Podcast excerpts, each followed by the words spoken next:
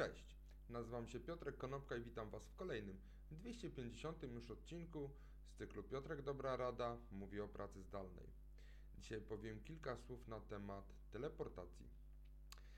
Alex Heath z, z portalu The Information twierdzi, że dotarł do wewnętrznych zweryfikowanych e, danych w Facebooku, z których wynika, że nad opracowaniem narzędzi AR, czyli rozszerzonej rzeczywistości i VR, czyli rzeczywistości wirtualnej, pracuje prawie 10 tysięcy osób w Facebooku, a więc jest to prawie 20% całego zespołu globalnego Facebooka.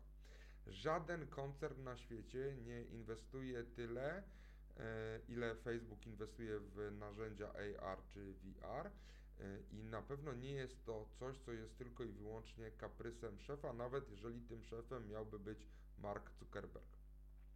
Zresztą Mark Zuckerberg niedawno w wywiadzie podcastowym właśnie dla portalu The Information stwierdził, że e, chciałby, żeby ludzie po prostu pewnego dnia mogli się teleportować.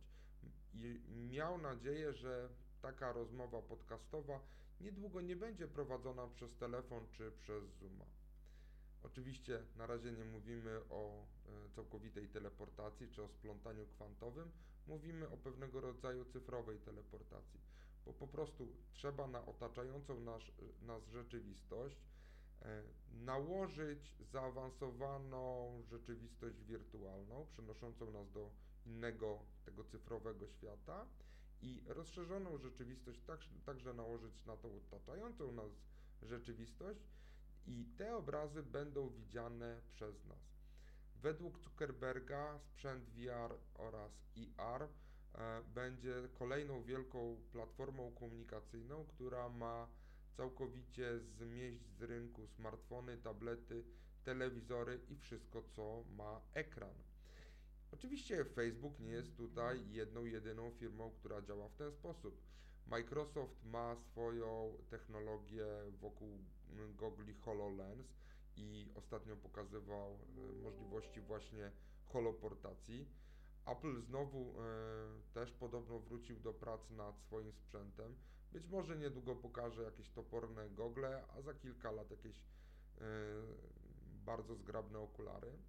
I Mark Zuckerberg przekonuje, że być może niektóre z tych rzeczy zaczną się pojawiać w obecnym, e, nadchodzącym e, dziesięcioleciu, ale dopiero w 2030 roku, czyli za 10 lat, ta technologia będzie dostępna, choć być może nie w pełnej skali. Tu pojawia się pytanie, czy może być powiązanie między tym, o czym mówił E, Mark Zuckerberg, a tym, nad czym pracuje Elon Musk, czyli nad swoim Neuralinkiem. Zuckerberg żartował w tym wspomnianym wywiadzie, że nie sądzi, że ludzie będą chcieli rozwiercać i otwierać swoje głowy, aby móc korzystać z wirtualnej bądź rozszerzonej rzeczywistości.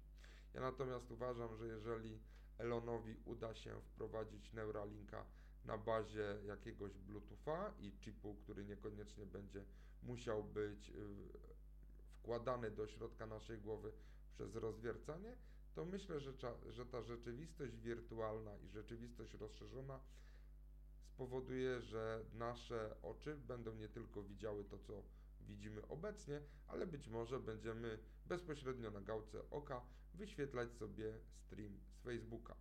Dzięki serdeczne, do zobaczenia i usłyszenia jutro. Na razie.